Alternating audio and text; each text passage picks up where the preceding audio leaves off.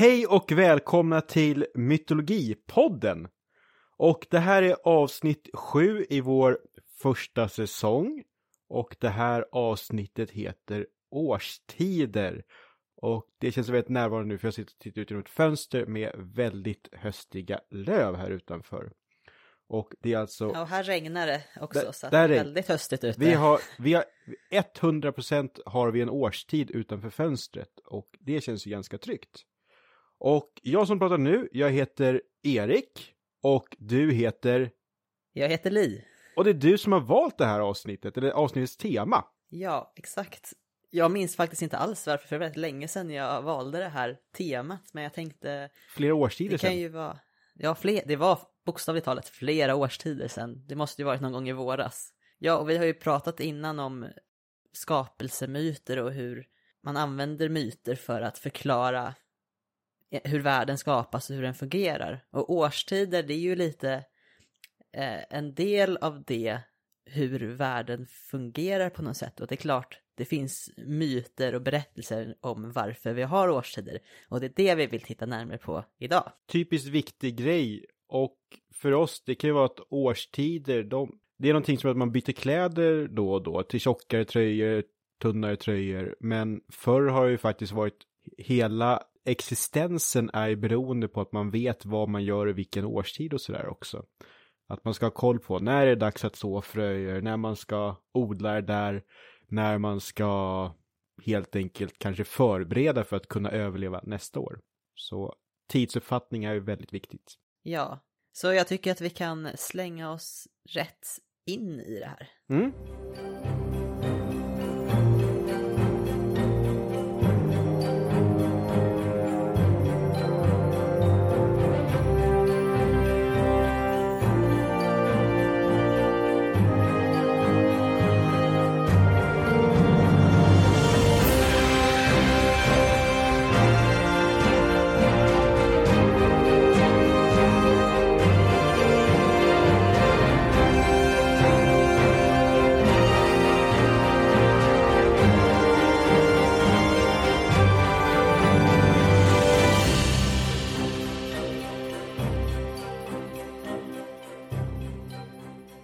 Vi har valt att vi ska titta på olika myter från olika delar av världen. Men vi gör det utifrån själva årstiderna. Så vi kommer ta en myt eller berättelse för våren, en för sommaren, en för hösten och en för vintern. Och jag kommer börja att berätta om myten som vi har valt för våren. Och det är med fokus på eh, den grekiska berättelsen om Persefone som kidnappas av Hades. Huvudpersonerna i den här berättelsen är då såklart Persephone, hennes mor Demeter, också Hades och Zeus spelar ganska avgörande roller. Persephone är då dotter till både Demeter och Zeus. Och i berättelsen blir hon kidnappad och gift med Hades och det är hennes då farbror. Demeter, Zeus och Hades är ju syskon allihopa, så det här är ju lite, lite invecklat släktskap om vi säger så. Persefones mor Demeter är då en, eh, en sorts modersgudinna som associeras väldigt mycket med fruktbarhet, växtlighet, jordbruk och särskilt då sädeskorn. Det som är då intressant med henne ur ett rent historiskt perspektiv är att man tror att hon som gudinna är mycket äldre än Zeus, Hades och Poseidon på grund av ett ursprung av en mycket äldre tradition med en sorts moders och jordgudinnor, lite som Gaia moder jord som är en som allra äldsta, äldsta varelserna i den grekiska mytologin som, som egentligen är urmoder till alla grekiska gudar. Men har väldigt lika egenskaper som då Demeter. Det här med äldre modersgudinnor som är kopplade till jorden är ju väldigt vanligt över hela Europa och det går ju att också se att här uppe åt nordiska hållet har vi Nertus till exempel. Som inte, det finns inte så mycket nedskrivet om Nertus. Men det finns ändå spro, alltså en viss språklig tradition. Eh, också här moder, moder jord, eller den här moders fruktbarhetssymboliken finns ju också i det arkeologiska materialet där man kan se sådana här små statuetter statyetter som Venus av Willendorf till exempel. Att moderskapet och kopplingen till jorden har ju funnits väldigt, väldigt länge. Längre än vad vi har nedtecknade myter helt enkelt.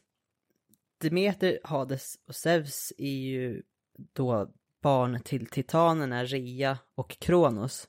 Och Kronos svalde ju alla sina barn utom Zeus, men Zeus tvingar och Kronos att spy upp alla. Men det behöver vi inte gå in så mycket mer på. Eh, Hades är ju som bekant härskare över underjorden och Zeus är ju den som är mer kung över alla gudar och han härskar ju över himlen och Olympen. Nu när ni vet vilka alla är så ska jag börja med att dra själva myten. Persefone, hon håller på att resa runt världen med sin mor Demeter. Jag för mig att hon är ute och eh, beundrar några blommor så blir hon kidnappad av Hades eh, när hon är på, liksom, ute på egen hand. Och Hades är ju väldigt förälskad i Persefone och har fått liksom, tillåtelse eller tillstånd av Zeus att, att gifta sig med henne. Och ja, han kidnappar ner henne till underjorden och gifter sig med henne. Och, men hennes mor Demeter vet ju inte vad som har hänt eller att det är Hades som har kidnappats Persefone. Så hon söker ju efter sin dotter eh, runt över hela, hela världen. Och hon söker med en flammande fackla och det, det som händer medan hon letar är att hon missköter sitt uppdrag eller jobb att ta hand om hela världens växtlighet. Och det leder till att det blir eh, stor missväxt och torka. Människor svälter och de dör. Och det resulterar ju i att de slutar att offra till gudarna. Och det här är ju då ett problem tycker Zeus. Att människor måste ju offra till gudarna. Eh, och han ber då Demeter att återge ge liv till jorden. Men hon eh, trotsar Zeus och vill ju att Persefone måste få komma tillbaka innan hon ska göra det. Zeus skickar då en budbärare, jag för mig att det är Hermes, eh, för att hämta Persefone från underjorden. En av förutsättningarna för att få komma tillbaka är ju att hon inte tar med sig något från underjorden. Men Hades har ju då precis innan hon blir hämtad tvingat henne att äta granatäpplekärnor. Genom att hon då har tagit del av den här uh, maten från underjorden så har hon ju då en koppling dit som inte går att bryta. Och Zeus han ordnar det då så att Persephone måste, eller att hon kan faktiskt återvända till jorden och inte behöver vara i underjorden hela tiden. Men det är ju under förutsättning att hon ändå tillbringar en tredjedel av året, och där finns lite en tredjedel till halva delen av året, i underjorden hos Hades. Och resten av tiden på jorden så får hon, så får hon ju tillbringa med sin mor. Och kopplingen då till årstiden här är ju att när Persefone är i underjorden så sörjer ju Demeter sin dotter och eh, missköter sitt jobb, eller hon gör inte, hon, hon sköter inte om växtligheten och så. Och det förklarar ju då att när Persephone får komma tillbaka upp till jorden från underjorden så sätter ju ehm, Demeter igång och tar hand om växtligheten och det symboliserar ju då våren som sätter start igen. Och det finns ju olika perspektiv på det här. Delvis så är, kan det ju då vara den här vintern som utspelar sig när Persephone är i, i eh, underjorden. Men det kan också vara när det är extremt torrt och varmt eh, på sommaren när man inte kan odla eftersom vi får tänka oss att det ändå är i Medelhavet. Så det är ju annat klimat än vad vi har här uppe. Att Persephone kanske även är i underjorden en bit under sommaren när det är för varmt för att det ska växa ordentligt. Så det var det, ungefär. Ja, och det här är sånt, jag tycker det är bra klassisk myt. Jag gillar också att när vi pratar om den grekiska och också den romerska mytologin, att man gärna fastnar i Zeus, man fastnar i hjältedåd och man fastnar i balla monster. Men så finns också den här myten som jag tycker har då plötsligt en koppling till lite doldisgudar men också andra typer av känslor. Det är familjeband och kärlek på ett mm. sätt som jag tycker att myter ofta tappar. Och sen så satt jag här och tänkte medan du pratade att det här är då koppling till vad som kallas för kotonisk myt, eller cotonic, om man tar det på engelska. Är det någonting du har läst? För cotonic eller kotonisk är då från grekiskans underjordisk, att det har med underjordiska delen av mytologin att göra. Och det kan vara mm. kopplingar mm. både till Hades och dödsrike, men som du också är inne på, att det är Gaia och eh, mer fruktbarhet och växtlighet. Och det kan, alltså jag skulle gärna titta mer in på det kotoniska någon gång, så det kanske blir ett avsnitt nästa säsong. Ja, men det låter väl som en kul idé. Ja, underground. Det finns ju såklart som vi alla, jag vet inte hur många gånger vi kommer behöva upprepa här, men det finns ju variationer på allt det här. Och det finns lite olika, vi har lite olika källor till de här berättelserna. Eh, bland annat så finns det ju en, eh, en snubbe som heter Hesiodos som nämner den här myten i ett verk som heter Theogonin från 700 före Kristus och det är skrivet på ett versmått som heter hexa, hexameter och den skildrar då släktskap mellan gudar och kosmos tillblivelse. Men den främsta källan till just den här myten är en, eh, ett verk som heter Demeterhymnen som är en av de homeriska hymnerna från 600 till 500-talen före Kristus. De kallas de homeriska hymnerna inte för att det är Homeros som har skrivit dem utan för att de är skriven eh, med daktylisk hexameter och det är samma då som Iliaden och Odysseen är skriven i. Man vet dock inte vem som har skrivit de här hymnerna. Demeterhymnen är en av de längsta och skildrar då hela det här förloppet. Jag har dragit ner och förenklat en hel del. Till exempel så är det ju en bit som skildrar vad Demeter gör under den här tiden medan hon letar efter Persephone och eh, hon döljer sig, eller döljer sig i någon sorts människoform och går och sörjer över sin dotter. Den biten är kopplad till en, ett ställe i Grekland som heter Eleusis. Den här berättelsen har en väldigt stor roll i något som kallas för de eleusinska mysterierna. Och det är en årlig jordbrukskult i Grekland då som hålls i Eleusis till ära för Demeter och Persefone. Och det är, det är den största kulten egentligen i, i det antika Grekland. Och man höll på med det här i ungefär tusen år. Och det är flera ritualer och processioner och uppföranden av den här berättelsen då som tar plats inom den här kulten. Och just den här, äh, hennes Persefones återkomst från underjorden var väldigt, väldigt viktig inom den här kulten och det fokuset på cykler om liv och död. Om man tycker att de, den här mysteriekulten låter spännande så tror jag att våra vänner på Podius Castus hade ett specialavsnitt om de elysiska myterna som kom ut i vår inspelningstid för några veckor sedan. När det här avsnittet släpps så är det väl månader sedan. Men om man vill höra mer om det så har de nog absolut fördjupas just i mysteriekulten. Ja, det var därför jag inte gick in på det för mycket, för jag tänkte att vi kan skicka vidare er dit om ni vill veta mer om själva elusinska mysterierna. Det var lite det jag, det var det jag hade om Persephone. Uh, ja, det jag funderar ju på, det verkar ju råda lite tvistade meningar om det här i huruvida Persephone faktiskt uh, trivdes i sitt äktenskap med Hades. Det är ju inte så kul att bli kidnappad mot sin vilja och bortgift. Jag har ju, vad jag förstått så är det vissa som menar att när hon äter med granatäpplestjärnorna så är det ju att, att, att hon blir också bara, att hon blir känslomässigt bunden till Hades. Men andra tolkningar tycker jag har låtit som att det är mer att det blir mer som en fysisk koppling till underjorden, att hon måste dit rent kroppsligt, inte det att hon saknar Hades så mycket att hon måste, men det vet jag inte, jag var osäker på vad, vad som menades med den biten. Ja, där känner jag som så många gånger förut att jag är väldigt färgad av populärkultur, som jag varit inne på i nästan varje avsnitt känns det som. Men där har ju då i de memes, de internetskämt som är inspirerade av antik kultur och mytologin. Där verkar alla vara överens om att Persefone stormtrivs hos Hades.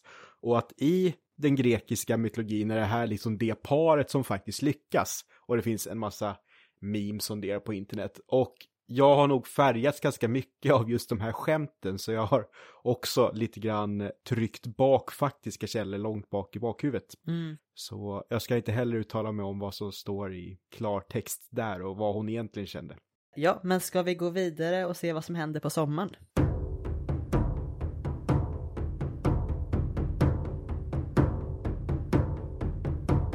Ja, och eh, nu är jag en av de här jobbiga människorna som är så här, äntligen är lite svalt ute. Man kan äntligen börja på sig stiliga kläder istället för att ha någon uttvättad tisha på sig hela tiden.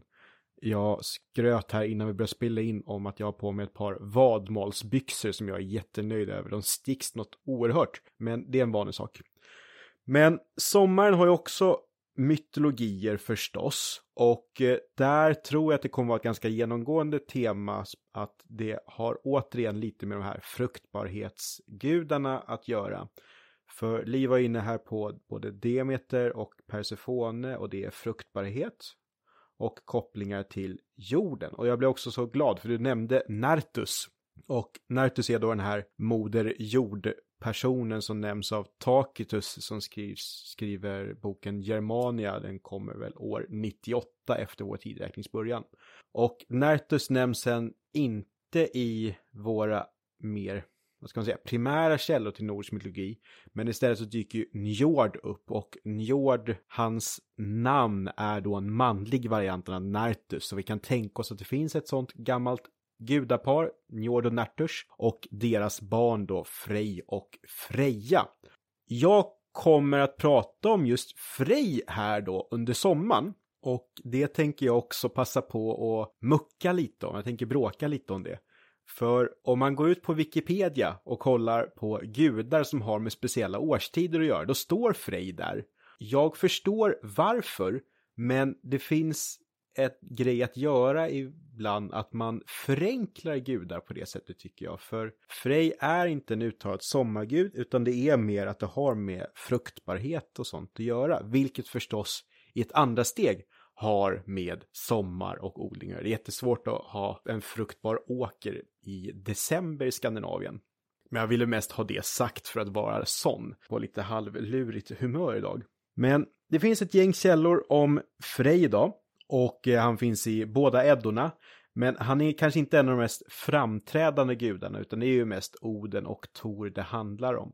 Men Frej och Freja och pappa Njord och antagligen Nertus då, de är då den här andra släkten vas, eh, vaner som då inte är samma släkte som asarna.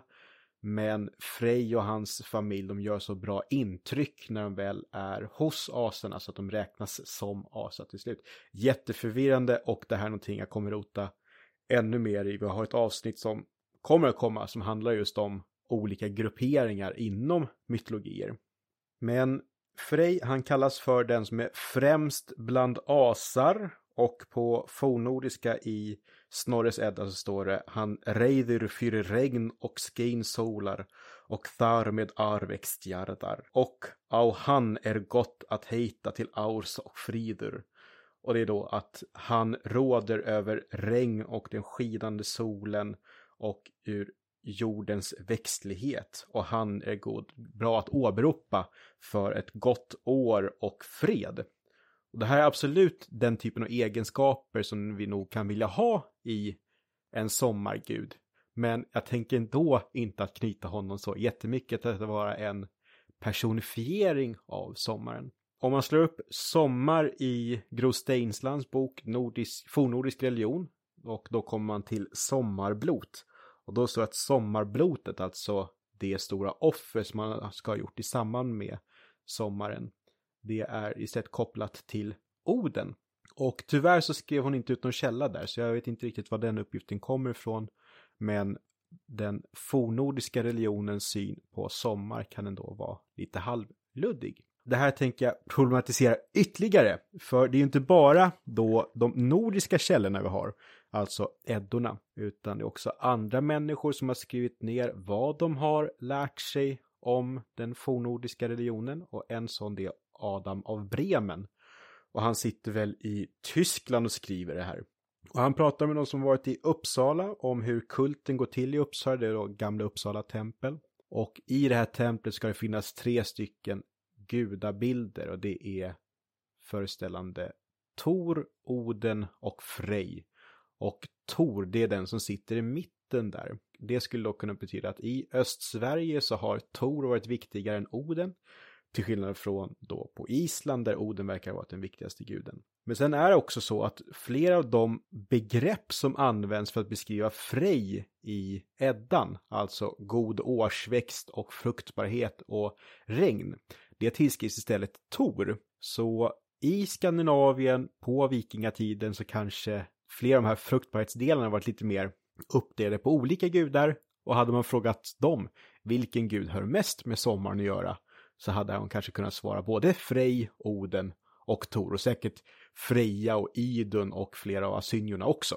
Så det är mitt jätteröriga inlägg om sommarmytologi.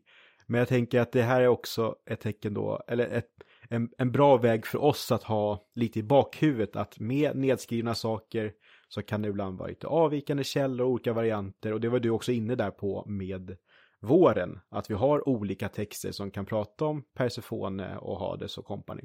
Det jag tänkte också som jag, jag sa innan men som nu när, när ni hör jag kommer att klippt bort det för att jag sjabblar till resten av det jag pratade om då. Just det här tanken med att, eh, att världen har olika klimat på olika ställen. Inte, man, kan inte tänka, man kanske inte tänker fyra årstider i hela världen under hela världshistorien. Mm. Och då kanske man använder olika begrepp också mm. förr i tiden. Mm. Nej men och där just, eh, jag tror nog att det här med tid och att avgränsa tid har nog varit viktigt och det finns ju natt och dag till exempel i den fornnordiska mytologin så man borde ju tänka sig någon typ av starka kopplingar till årstiderna. Men det har nog varit mer i kulten då, just de här religiösa utövande riterna som är kopplade till olika tidpunkter och det kan nog ibland vara en sån sak som jag har lite mindre skrivet om. Även fast det nämns olika typer av kult i isländska sagor, Adam och Bremen nämner också kult. Jag tycker att det ibland är lite säkert som har fallit bort där och det är också viktigt att komma ihåg. Även om vi inte har någon kanske jättetydlig myt eller berättelse om Frej som en sorts sommargud. Vad, vad har Frej för egenskaper generellt? Mm, nej men det är just det här då att man ska åberopa som man vill ha ett bra år och det är väl det som gör att han blir lite somrigare och att om man vill ha ett bra år då gäller det att saker klickar på sommaren.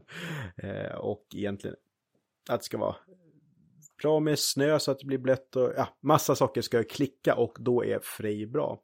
Men i de myter vi har om Frej, då är det väl kanske mest framträdande då han blir jättekär i en jättinna, jättinnan Gerd. Och det här är väl just då den här mer vanska egenskapen, kärlek och han blir ju verkligen störtförälskad. Och eh, Gerd, hon är inte jättesugen på att gifta sig med honom och då börjar han hota henne med både magi och våld och då går hon väl med på att gifta sig. Så det är inte toppenrelation sådär. Och det kanske vi också kan koppla lite till Persefone och eh, Hades. Det som också är en sån lite glömd egenskap i mitt huvud, alltså när jag tänker på Frej, då ser jag framför mig någon typ av hippiekille. Det är blommor, det är solsken och frid och fröjd. Men han är ju också en krigare. Och han är inblandad i striderna i Ragnarök och han har ett självfäktande svärd. Och det här svärdet är han bort just för att en yngre man ska kunna hjälpa till och skapa kontakter med den här jättinnan Gerd. Men då inför Ragnarök, då har inte Frej med sig sitt självsvingande svärd som att det är ju bortgivet. Utan han har istället med sig ett renhorn, ett hjorthorn, något horn av något slag i alla fall. Och använder det som vapen. Och det här är någonting som man i Snorres Edda, det kommenteras. Tänk att han kunde slåss så bra även fast han inte hade ett svärd med sig. Och då skrivs det ändå ut att Frej, han är så duktig på att slåss så han hade kunnat besegra sina fiender med bara händerna också. Och då framträder istället någon typ av monsterkrigare i Tors klass nästan som skulle kunna besegra jättar med bara händerna. Och sen i Ragnarök då är det att det är Frej och eldjätten eller vad är det han heter? Rimtörsen? Nej, Rimtörs är frostjätte. Eldtörsen Surt. Och det är Surt som då har skeppet Nagelfar som kommer resa till Asgård i Ragnarök och allting går åt skogen fullständigt. Då slåss Frej med sitt horn mot Surt som har ett brinnande svärd och de tar död på varandra. Och jag funderade på inför det här avsnittet om då eldjätten med sitt brinnande svärd är en typ av solkraft, en eldkraft. Medan då Frej, han kanske är mer kontrollerad sol eller eldkraft. Sen så är ju då inte Frej, solen personifierad, för det är en annan gud. Men är lite spåning jag hade där bara. Vad spännande ändå. Vad skönt att du tycker det.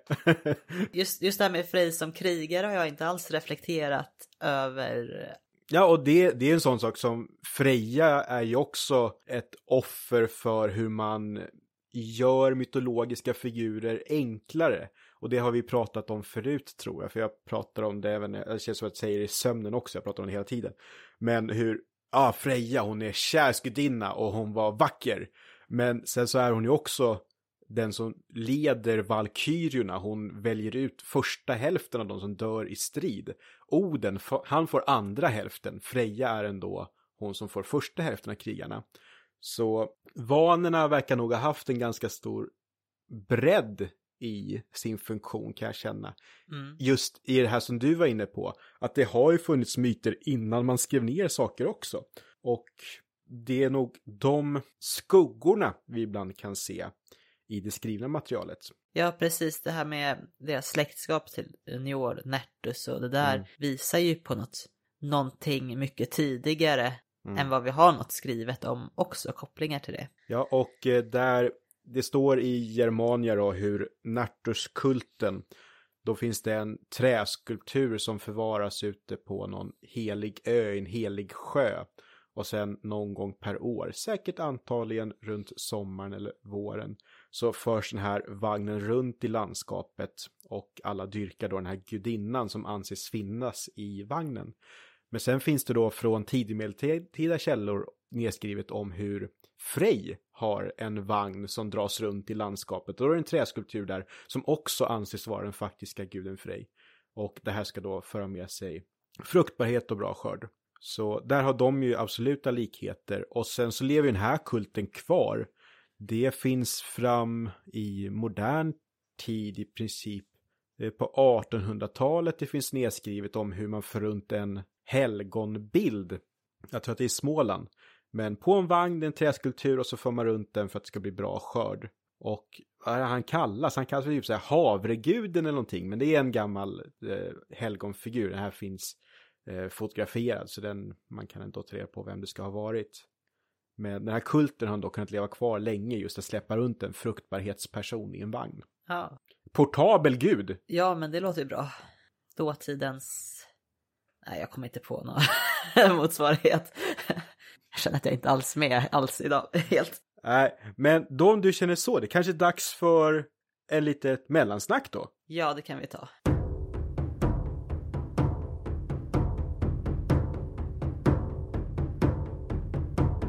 Nu är det så, så, roligt att du har en vän Erik som har skickat jättemycket frågor till oss som vi kommer att försöka beta av. Ja, han skickade någon fråga och så typ skrev han till mig på Messenger och var så här, äh, sorry att jag skickade en så här fråga. Jag tyckte, ja men vi får alldeles för lite frågor så det är jättebra. Och sen skickade han typ fem frågor till på tre minuter. Varav några har underfrågor vi... eller extra frågor. Ja, alltså. men det här uppskattar vi jättemycket och det är väldigt olika nivå. Man skulle nästan kunna tro att den här personen är någon typ av religionslärare. Hmm, och det är precis vad han är. Eh, men ja, vad var det för fråga han hade skickat in. Ja. En av dem. Vi kommer kunna återkomma till hans frågor. Eh, vi undviker hans namn känns det lite som. Ja, det var inte meningen. Det... Ja, äh, vi kan fortsätta med det och så frågar jag honom om vi får säga hans namn sen. Ja, ja. Vi, vi återkommer om det. Ja. Men skickar ni frågor så säg till om ni inte vill ha namn med, annars kanske vi säger förnamnet framöver. Kan vi ha som riktlinje. Det är bra. Men då har vi fått en fråga som berör översvämningsmyter. Då pratar din vän då lite om eh, hur vi har den här mest kända abrahamitiska översvämningsmyten med Noa och arken och att den har en sorts förlag i mesopotamisk myttradition och frågar om det finns någon verklig förankring till den här myten, att det varit en riktig översvämning som har gett upphov till de här myterna. Sen frågar han också om vi vet i vilka andra traditioner som den här myten kommer fram och alltså mer än bara här som, de här som tar efter den mesopotamiska. Och vi hade faktiskt, innan vi fick den här frågan, hade jag redan tänkt att ja, vårt första avsnitt nästa år ska vi prata om just översvämningsmyter, så jag kommer inte alls svara på frågan om om den har någon verklig förankring. Jag tänker att det kan vi prata om mer, mer då, i januari, när eh, nästa års första avsnitt ska komma. Förhoppningsvis. Men jag tänker däremot svara på var någonstans översvämningsmyter förekommer. Och några av de här kommer vi säkert fördjupa oss i då nästa år. Först för att återanknyta till det här med det att det finns en sorts förlaga till Noas ark i den mesopotamiska traditionen så har vi då en eh, berättelse från Assyrien eller Babylonien med en karaktär som heter Utnapishtim som är en sorts Noa-karaktär som också då, fast en odödlig karaktär då. I Grekland så straffar ju Zeus mänskligheten efter att eh, Prometheus har, ja, som vi pratat om i, för något avsnitt sen, har lite skitit i vad Zeus tycker att han ska göra. Då är det Prometheus son Deukalion bygger en ark.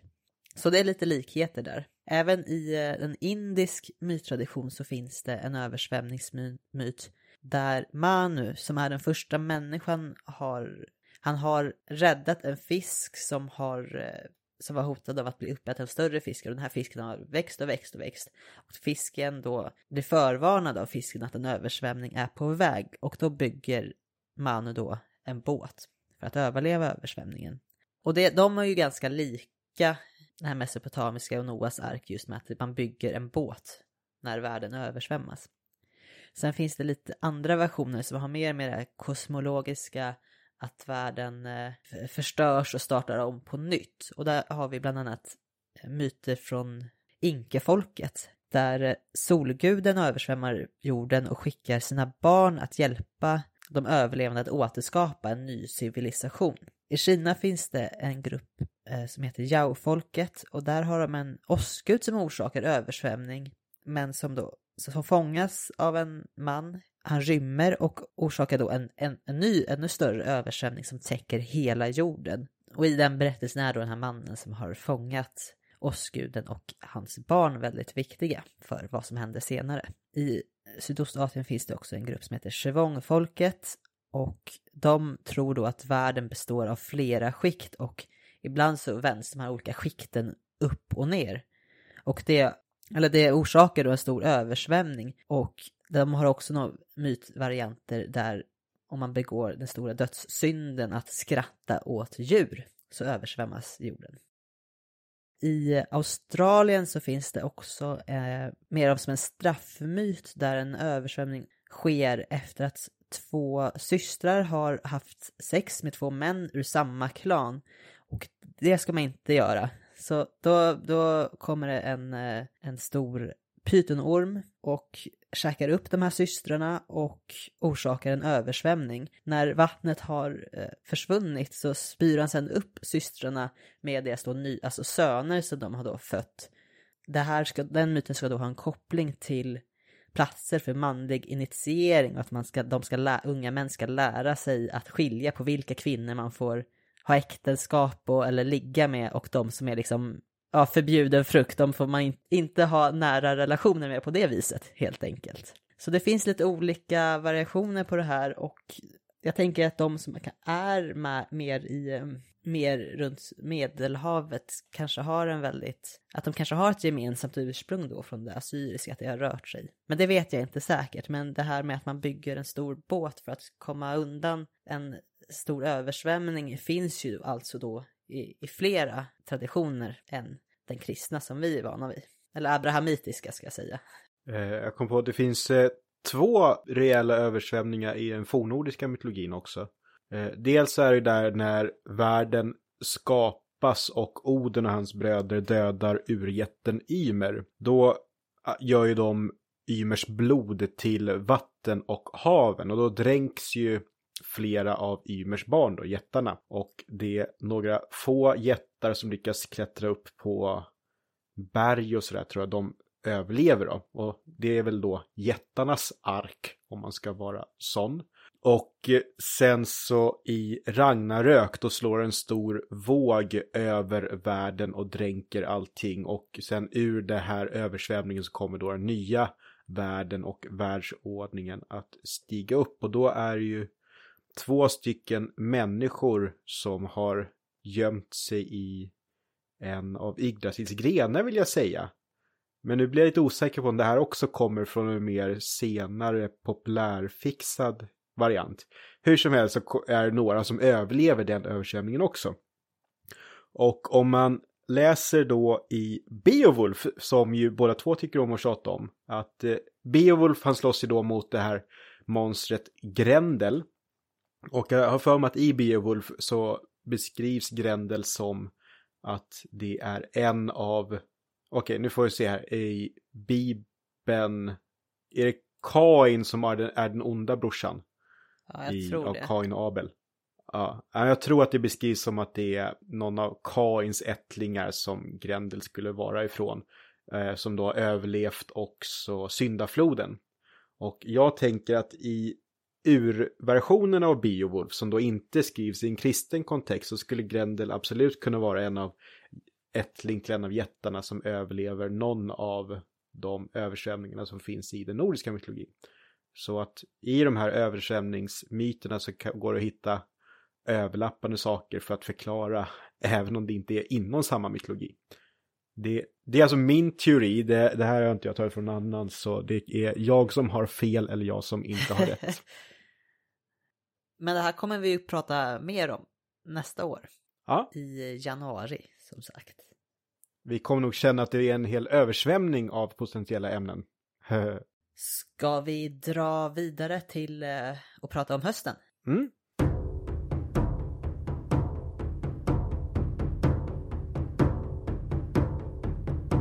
Ja, och eh, då, då har alltså vårt ämne för dagen kommit ifatt det ämne som vi har runt omkring oss i inspelningssituationen, hösten.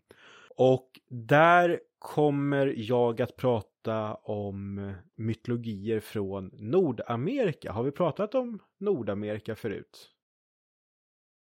Tror inte det. Vi kan ha bara droppat något litet men inte Nej, något ingående. inte Vi har pratat inte. om eh, andra delar av Amerika. Men det här är då Nordamerika och mer inriktat är här då myter från Cherokee-stammen, eller Cherokee.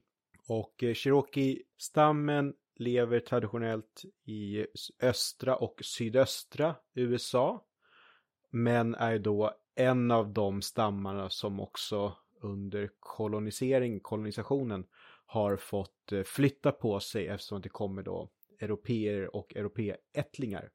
Och Cherokee-stammen är en av de stammarna som tvingades att gå i Trail of Tears, den här långa vandringen då. Flera olika stammar och deras förslavade människor tvingades att gå jättelångt. Och de som inte dog av svält och sjukdom under själva vandringen så var det många som dog efter den här vandringen. Så det här var ett hårt slag mot de nordamerikanska folken. Men idag så är Cherokee den största stammen som finns i USA. Jag tror att jag såg någon siffra någonstans på att det är runt 300 000 Cherokeer i USA idag. Men det här är då deras syn på en detalj av hösten. Och eh, här hittade Li först en historia som du skickade till mig och som jag då har läst och tyckte var intressant. Och sen så hittade jag en till Cherokee-myt som tar upp liknande ämne men med en annan historia.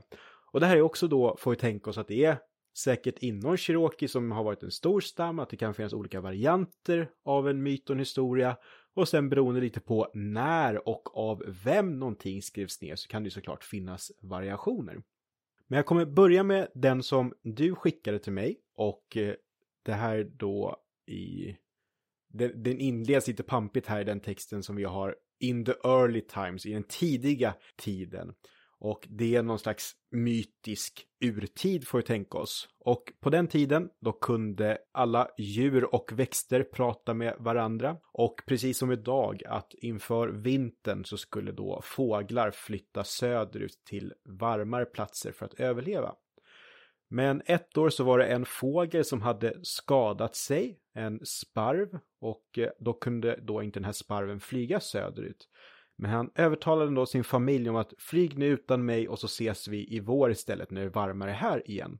Och hans familj flög iväg och den här sparven var då ensam kvar. Men han visste ju att det var, skulle bli kallt och han visste att han skulle dö om han inte gjorde någonting åt den här situationen. Men då såg han de här träden som fanns runt omkring i världen med sina varma blad. Och då gick han fram till en ek först och sa Hej ek, jag är skadad, jag kommer dö här i kylan, men skulle jag kunna få bo bland dina löv över vintern så att jag kan överleva? Men eken var ett ganska trist och argt träd så han sa nej, du får inte vara här med mig och sparven gick vidare. Sparven pratar också med lönnen och lönnen ska vara ett snällt och trevligt trä men lönnen vill ändå inte erbjuda sina löv för att hålla sparven varm. Och så här fortsatte det. Var en sparven gick så sa alla lövträden nej, du får inte bo hos mig. Men till slut kommer då sparven till en tall. Och så säger sparven, hej tall, får jag bo hos dig? Och den här tallen har ju sett hur allting har gått men har ju inte några riktiga löv utan det är de här taggarna, det är ju barr som tallen har. Men tallen säger ändå att ja, alltså du kan ju få vara här hos mig. Jag har små löv som är mer som nålar och jag har inte lika många grenar som de andra träden. Men du kan få vara här hos mig och dela det jag har. Och sparven var då hos tallen över vintern och eh, överlevde tack vare det och kunde sedan hälsa på sin familj. Och när allt det här har hänt, då tittar skaparen i Cherokee-mytologin på det som har hänt. Och skaparen, jag får intrycket av att det också beror lite på vilken myt man tittar på, vem det är som skapar världen och sådär. Men en skapargestalt är Onei Hlanuhi och den här skaparen tittar då på alla de själviska träden och sen tittar på tallen och säger till träden Ni som har så mycket, ni delade ändå inte med er. Och du tall som har så lite, du delade med dig. Och då bestraffar skaparen de här lövträden med att på varje höst så ska de tvingas att tappa sina löv, men tallen som var så snäll får behålla sina barr.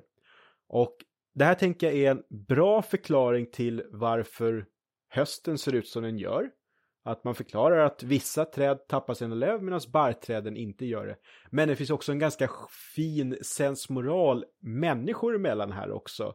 Att det är bra att dela med sig. Och även om man inte har mycket så finns det någonting alla kan göra. Så jag tyckte det här var en fin myt på det viset. Men sen så fanns det då en till myt som tar upp det här temat också. Och då får man börja lite grann med världens skapelse. Så tyvärr missade jag att det här fanns när vi pratade om det i det avsnittet. Så det blir snabbvarianten. Det blir jättebra. Ja, bra. Men i, ja, i innan tiden finns får vi tänka. Då är det också så att det finns en väldig massa vatten. Och så finns det massa varelser som lever runt och i och över det här vattnet. Men en dag så ska bäverns barnbarn, en typ av vattenskalbagge, jag tror att det är den typen av skalbagge som vi i Sverige kallar för skräddare, alltså de som... De här med långa Nej, ben eller? Nej, inte en sån. Alltså, ja, de här skalbaggarna som kan simma under vattnet i alla fall, dykare. Ja. Eh, känns som det rimliga namnet förstås. Men en dykare, en dykarskalbagge, ger sig ner under vattnet och ser att där nere finns det lera och rör upp lite lera. Och eh, då börjar det här lerlaret att växa och så växer upp jord ur vattnet. Och det är här då världen skapas enligt den här Cherokee-myten. Och sen så är det någon som fäster varje hörn av världen, fyra hörn med trådar upp till himlen. Och tydligen så ska det ha varit en rädsla bland cherokierna att eh, de här trådarna ska lossna så att världen återigen faller ner under vattnet.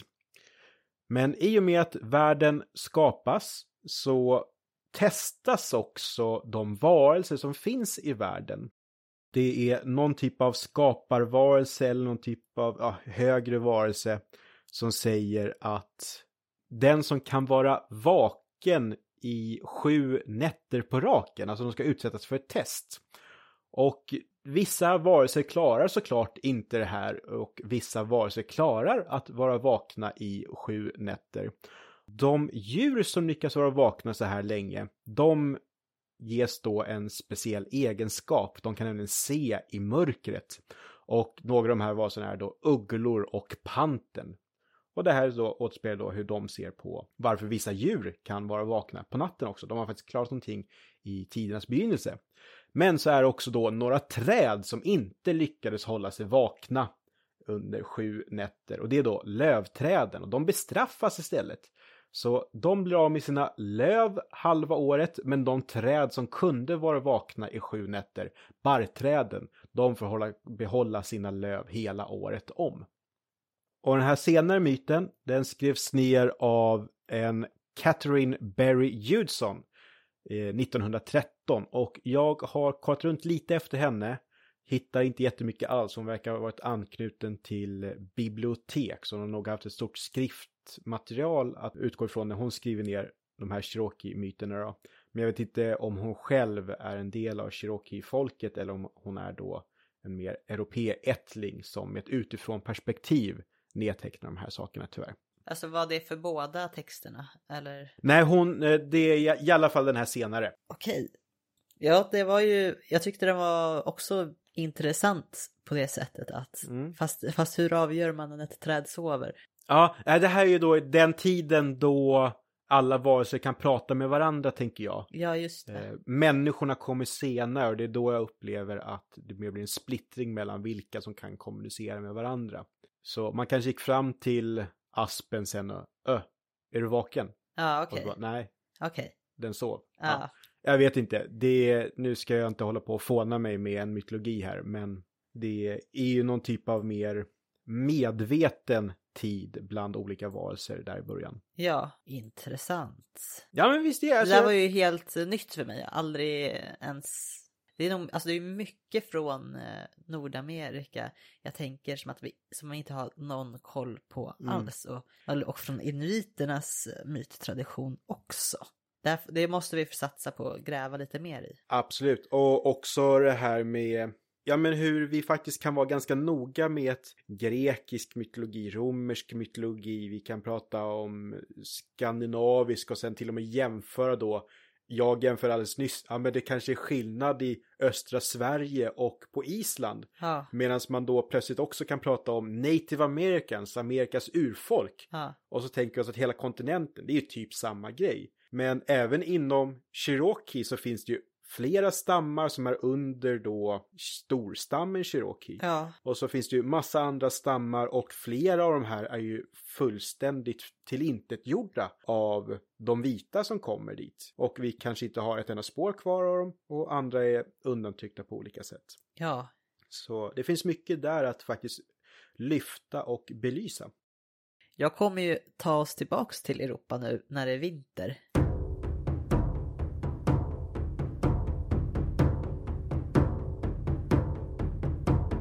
Kommer vara i eh, Irland och Skottland till det keltiska och, eller gaelic.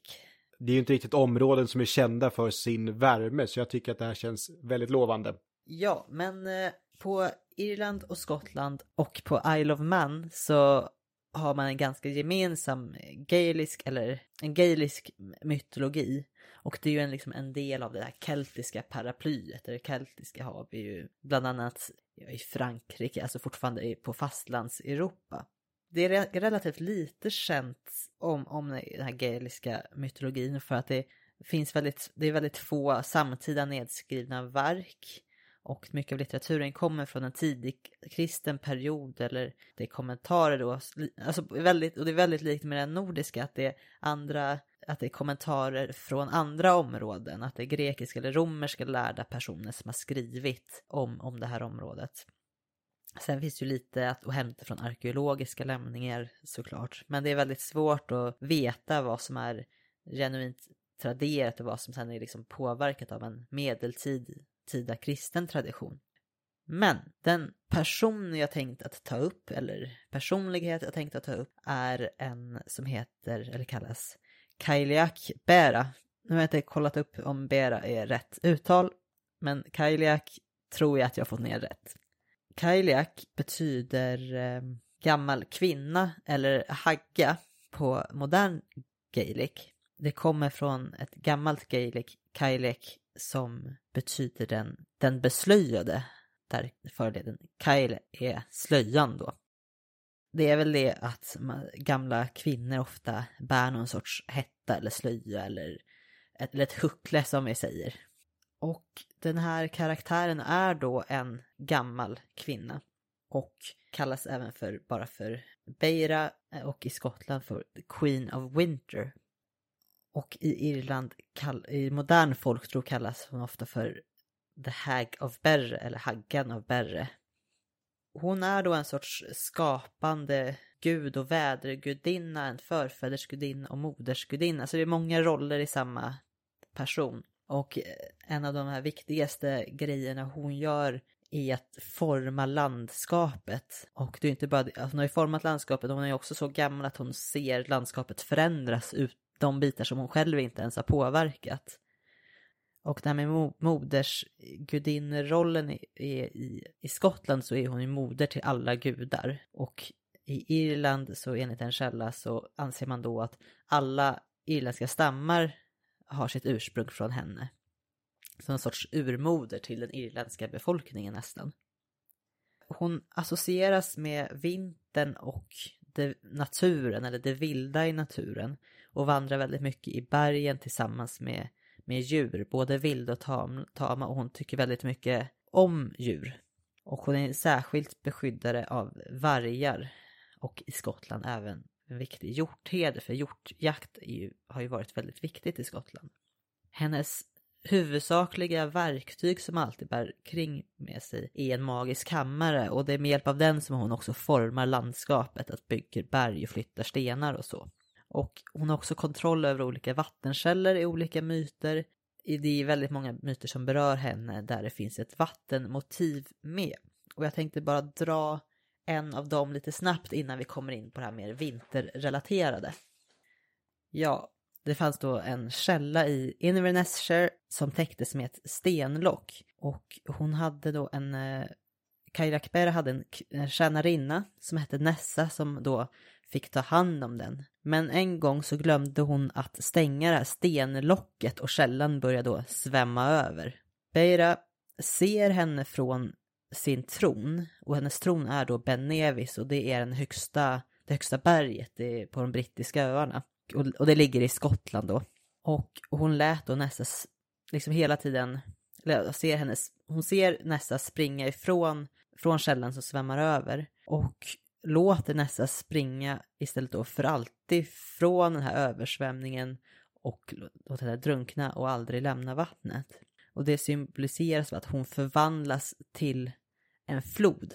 Och det är det som gör att hon alltid springer från den här översvämningen. Den här floden är då River Ness som leder mot havet från Loch Ness. Och Loch Ness är ju då den sjön som bildades av översvämningen av den här källan.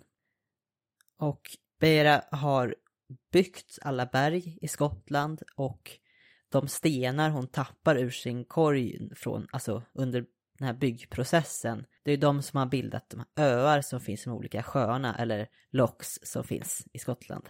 Man kallar de öarna i sjöarna för Spillings from the Creel of the Big Old Woman. Så hon är en väldigt kraftfull karaktär och har kontroll över, och alltså, över storma och åska och vintern som vi kommer komma in på. Det är hon som bestämmer hur lång vintern är och hur hård och jobbig den är. Hon är även kan nämnas en gudinna över sädeslag eh, och den sista skärven som skördas ska då offras till henne på hösten.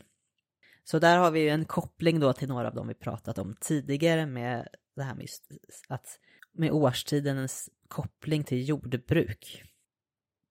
Kailiakbera är beskrivs som väldigt lång och väldigt gammal och hon levde i många hundratals år och den myten jag kommer berätta ganska snart visar på hur hon lever ett väldigt cykliskt liv. Eh, enligt irländska berättelser så har hon sju stycken ungdomsperioder som växlar i med att hon är ung och blir gammal och ung och gammal. Men efter sju perioder så kommer hon permanent gammal. Det jag berättar sen kommer mer utgå från den skotska traditionen. Men när hon då är i sin gamla kropp så har hon bara ett öga. Hon ser väldigt bra. Och sen har hon väldigt mörkt och träigt blått skinn och roströda tänder. frostvitt hår, fläckig hetta och en gråbrun sjal. Det som är, det verkar som att hon skulle kunna vara en sorts jättinna faktiskt, med tanke på att hon beskrivs ofta som väldigt stor och hon har den här kopplingen till bergen och hon har flera söner som faktiskt benämns som jättar också. Hon är, också, hon är ju väldigt fruktad och hon har väldigt tvetydlig framställning. Det skildras ju aldrig riktigt som helt god eller ond. Och har, det finns, oberoende på vilken berättelse man läser så har de väldigt olika intentioner med sina handlingar.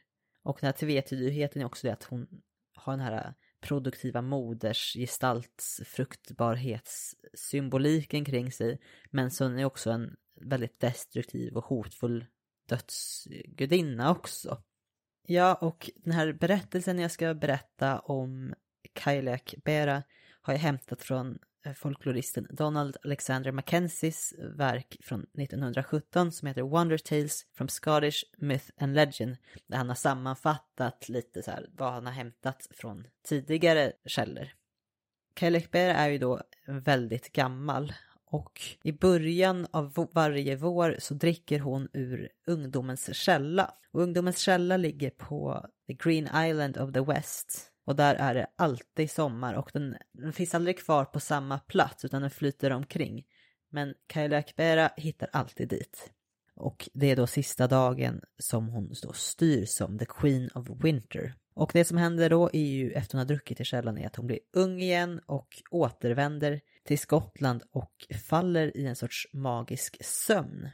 Hon ser lika ung och fräsch ut som då sommardrottningen Bridget eller Bride som hon också kallas.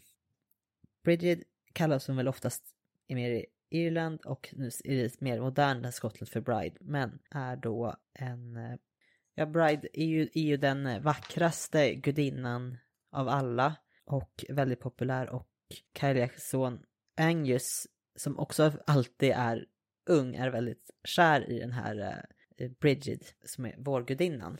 Men det som eh, händer då är att under varje månad som går så åldras ju Kailek Bera och vid midsommar så har hon blivit en vuxen kvinna och under hösten så börjar hon bli rynkig. Och under en tidig vinter då har hon blivit en gammal skröplig hagga igen och det är då hon börjar sitt styre som Queen of Winter. Då i början av den här tidiga vintern så tvättar hon sin skitiga sjal i havet eh, för att den ska bli vit under tre dagar. Hon lägger sjalen att torka på bergen och när hon lyfter sjalen är bergen vita av snö. Och då har alltså vintern börjat och hennes styre börjar. Under vintern så håller hon oftast den här vårgudinnan Bride eller Brigid fången för att, just för att hon är avundsjuk och att hennes son är kär i henne. Under vintern så styr hon ju hård och jobbigt och jävligt det är och hon blir hela tiden äldre och grymmare och det symboliserar då att vintern blir blir tuffare ju längre in på vintern man kommer. Men, sen, och, men hennes kraft börjar ju också avta mot vinterns slut. Och det är ju då hon återigen börjar söka sig till ungdomens källa och det är då vintern ta slut på riktigt. Då är ung igen och då lever hon som ung fram till sitt nästa, till nästa vinter, sitt nästa styre. Och det här finns det ju då lite variationer på och tolkningar att ibland så är Kyle Bera och Bridget, de är samma person. Men i det jag läste nu så är ju det mer att eh, hon hålls fången under vintern av Kyle Bera och Kyle Bera är mer passiv under sommarhalvåret när hon är ung. Kanske är hon inte lika avundsjuk då eftersom hon är mer ung och vacker. Det finns ju tolkningar om Calipera att det är olika karaktärer som kanske i olika myter som antagits vara samma och att det här Kylia är mer av en titel. Sen finns det eh, tankar om att, att, att det finns någon sorts treenighet som den här Kailek Bera har tillsammans med systrarna Kailek Bolus och Kailek Korka Divne. Jag vet inte alls vad de har för egenskaper, men det finns ju, det finns ju uppenbarligen flera olika Kailiach och det talar väl kanske för att det finns många olika gamla tanter som har haft olika roller i olika myter. Och en till variant eh, som är skillnaden från att hon är samma person som Bridget eller att hon sover som man, är att hon förvandlas till sten över sommaren vid eh, Beltan, alltså första, första maj, som är första dagen efter vintern egentligen. Och det finns ju väldigt få myter om, alltså nedskrivna myter från, från de här mer förkristna berättelserna om, om Kailiach. Eh, men på 700-800-talet skrev en munk ner en berättelse, en dikt om, om Kailiach, som man tror handlar om Kailiach Bera. Men han hittar på att eh, hon skulle vara en sorts nunna för att det finns en här semantisk koppling till att hon bär en sorts slöja. Eh, den här dikten är väldigt rik på symbolik och väldigt vackert skriven också och, och, och har kallats för the greatest of Irish poems.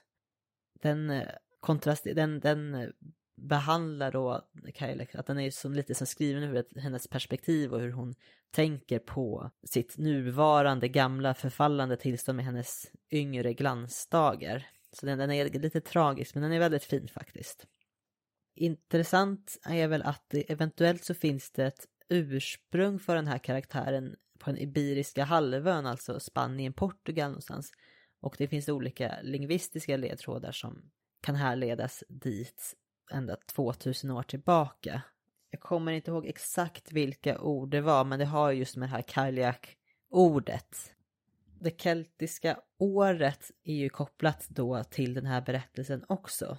Eh, den här festivalen Samhain som är 31 oktober, ungefär samtidigt där vi har alla helgona helgen och det. Det är då vintern börjar. Det keltiska året slutar och Kailiach återvänder, alltså återvänder som till sitt styre över vintern. Första maj har vi Beltane-festivalen då och det är då man menar att Kailiach blir ung igen och i skotska området att Kyliak förvandlas till Bridget. Så det finns ändå, det finns de här, Samhain firar man ju faktiskt delvis fortfarande i, i Irland och Skottland. Det är spännande att det finns ändå olika högtider som lever kvar med koppling till så här extremt gamla berättelser, tycker jag. Mm, nej men sånt är kul och jag menar jag ska iväg efter det här och till ett ställe och jag vet att de säljer pumpor. Och pumporna som vi nu ser det är också här lång tradition bakåt även fast det väl ska vara kolrötter från början. Ja. I trakterna som du berättar om nu. Så ja, de här kopplingarna bakåt är roliga. Ja. Men det var väldigt svårt för att det var det verkar som att han haft så extremt många olika roller den här personen eller karaktären. Multitasking. Ja, verkligen. Det här var ännu en som jag aldrig hade hört talas om innan jag började läsa på. Och man känner bara, hur kan jag missa det här? Det verkar ju varit jättestor och viktig. Men det här är också med stora, viktiga kvinnor. Ja. Att eh, hur de behandlas i senare skriftliga källor, det är absolut en sån sak som också kan förvrängas och förminskas, vilket också gör att vår position idag då vi vill lära oss de här sakerna blir också extra svår om man får ha lite källkritik i bakhuvudet sådär. Ja, precis. Men det, var, det är spännande att, att eh, när vi ändå är inne på det här med kraftfulla kvinnor och den här kopplingen till jorden och naturen att, att vi har det även här, även om det är i en annan, annan form. Att det, det är så brett att det är liksom, det är inte bara jorden utan det är hela hela vädret som påverkas och, och att det som är förutsättningarna för allt liv. Att man inte bara knyter har moderskapets roll till att ja, vi kan ha ett barn i magen utan att det, det är liksom allt liv utom kroppsligt också mm. som är det kopplat till det här moderskapet eller modersrollerna. Eh, men ja, det ska bli intressant och jag, jag blev väldigt sugen på att försöka läsa in mer på det här med om det här med jättar med tanke på vårt nästa avsnitt. Mm. Att om hon, är en, om hon är en jätte och vad, vad sönerna, jättesönerna är för några. Om vi kan rota lite mer mm. i det. För då nästa avsnitt är, men är den andra? Eller det, ja den andra eller det andra. Ja men då, då, då vet jag. Ja. ja. Eh, och eh, då med det temat, det är ju som vi var inne på tidigare avsnitt också, att eh, i många mytologier så vi utgår gärna från en grupp, det kan vara olympier, det kan vara asar, det finns säkert massa olika så här grupper i andra mytologier också, men det finns också någonting annat som de definieras mot, att man, och det är då det här begreppet den andra kommer ifrån, det är väl eh, Said som har skrivit den texten i, det är väl från boken Orientalism. Och hur då även den som är normen eller den som är mer, har mer agens i ett samhälle definieras utifrån den andra, vi och dem. Mm. Det, bara, det används väl väldigt mycket i, i folktro när man pratar om människan kontra, oj nu tappar jag helt begreppen, kontra, ja man brukar, ja men det är andra under jorden och, Ja, ja till exempel. underjorda. Ja. Herregud, jag tappar ord idag. Inte gnomer, men alltså Vättar. vättar, ja precis.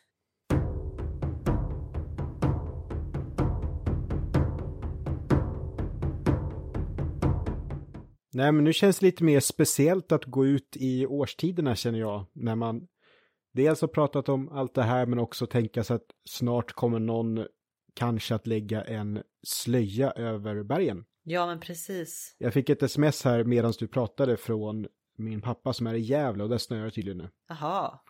Avundsjuk jag blir. Ja, jo, jag... Beroende på vad det är för snö, är det slasksnö kan det? Ja, men precis. Ja. Det ska helst ligga kvar längre än en kvart. Ja. Ja, det har ju varit riktigt dåliga vintrar så Mm. Nej, men så vi hoppas att, vad var hon hette? Kaila. Kailak Bera Ja. är stark i vinter. Jag hoppas sjalen är stor. ja.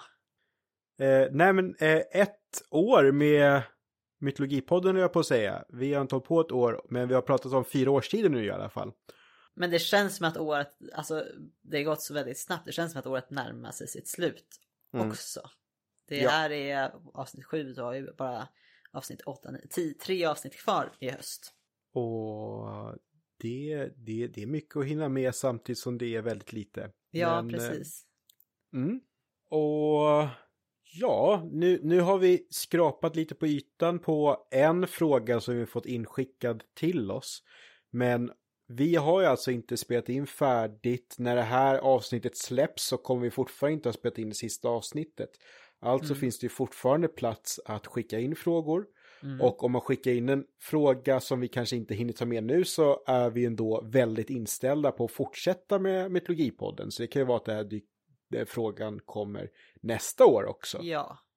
Vi är ju inte helt klara med planeringen för hur vi gör efter årsskiftet, men vi, vi siktar på att kunna att fortsätta nästa år, även om det kanske blir under lite förändrade former, mest med tanke på när avsnitt släpps. Att det inte blir varannan vecka, utan lite, inte lika Varje tätt. dag! Varje dag skickar, nej. Ja, nej, eh, jag, hade, jag har en kollega som hon tyckte att det var att vi ljög.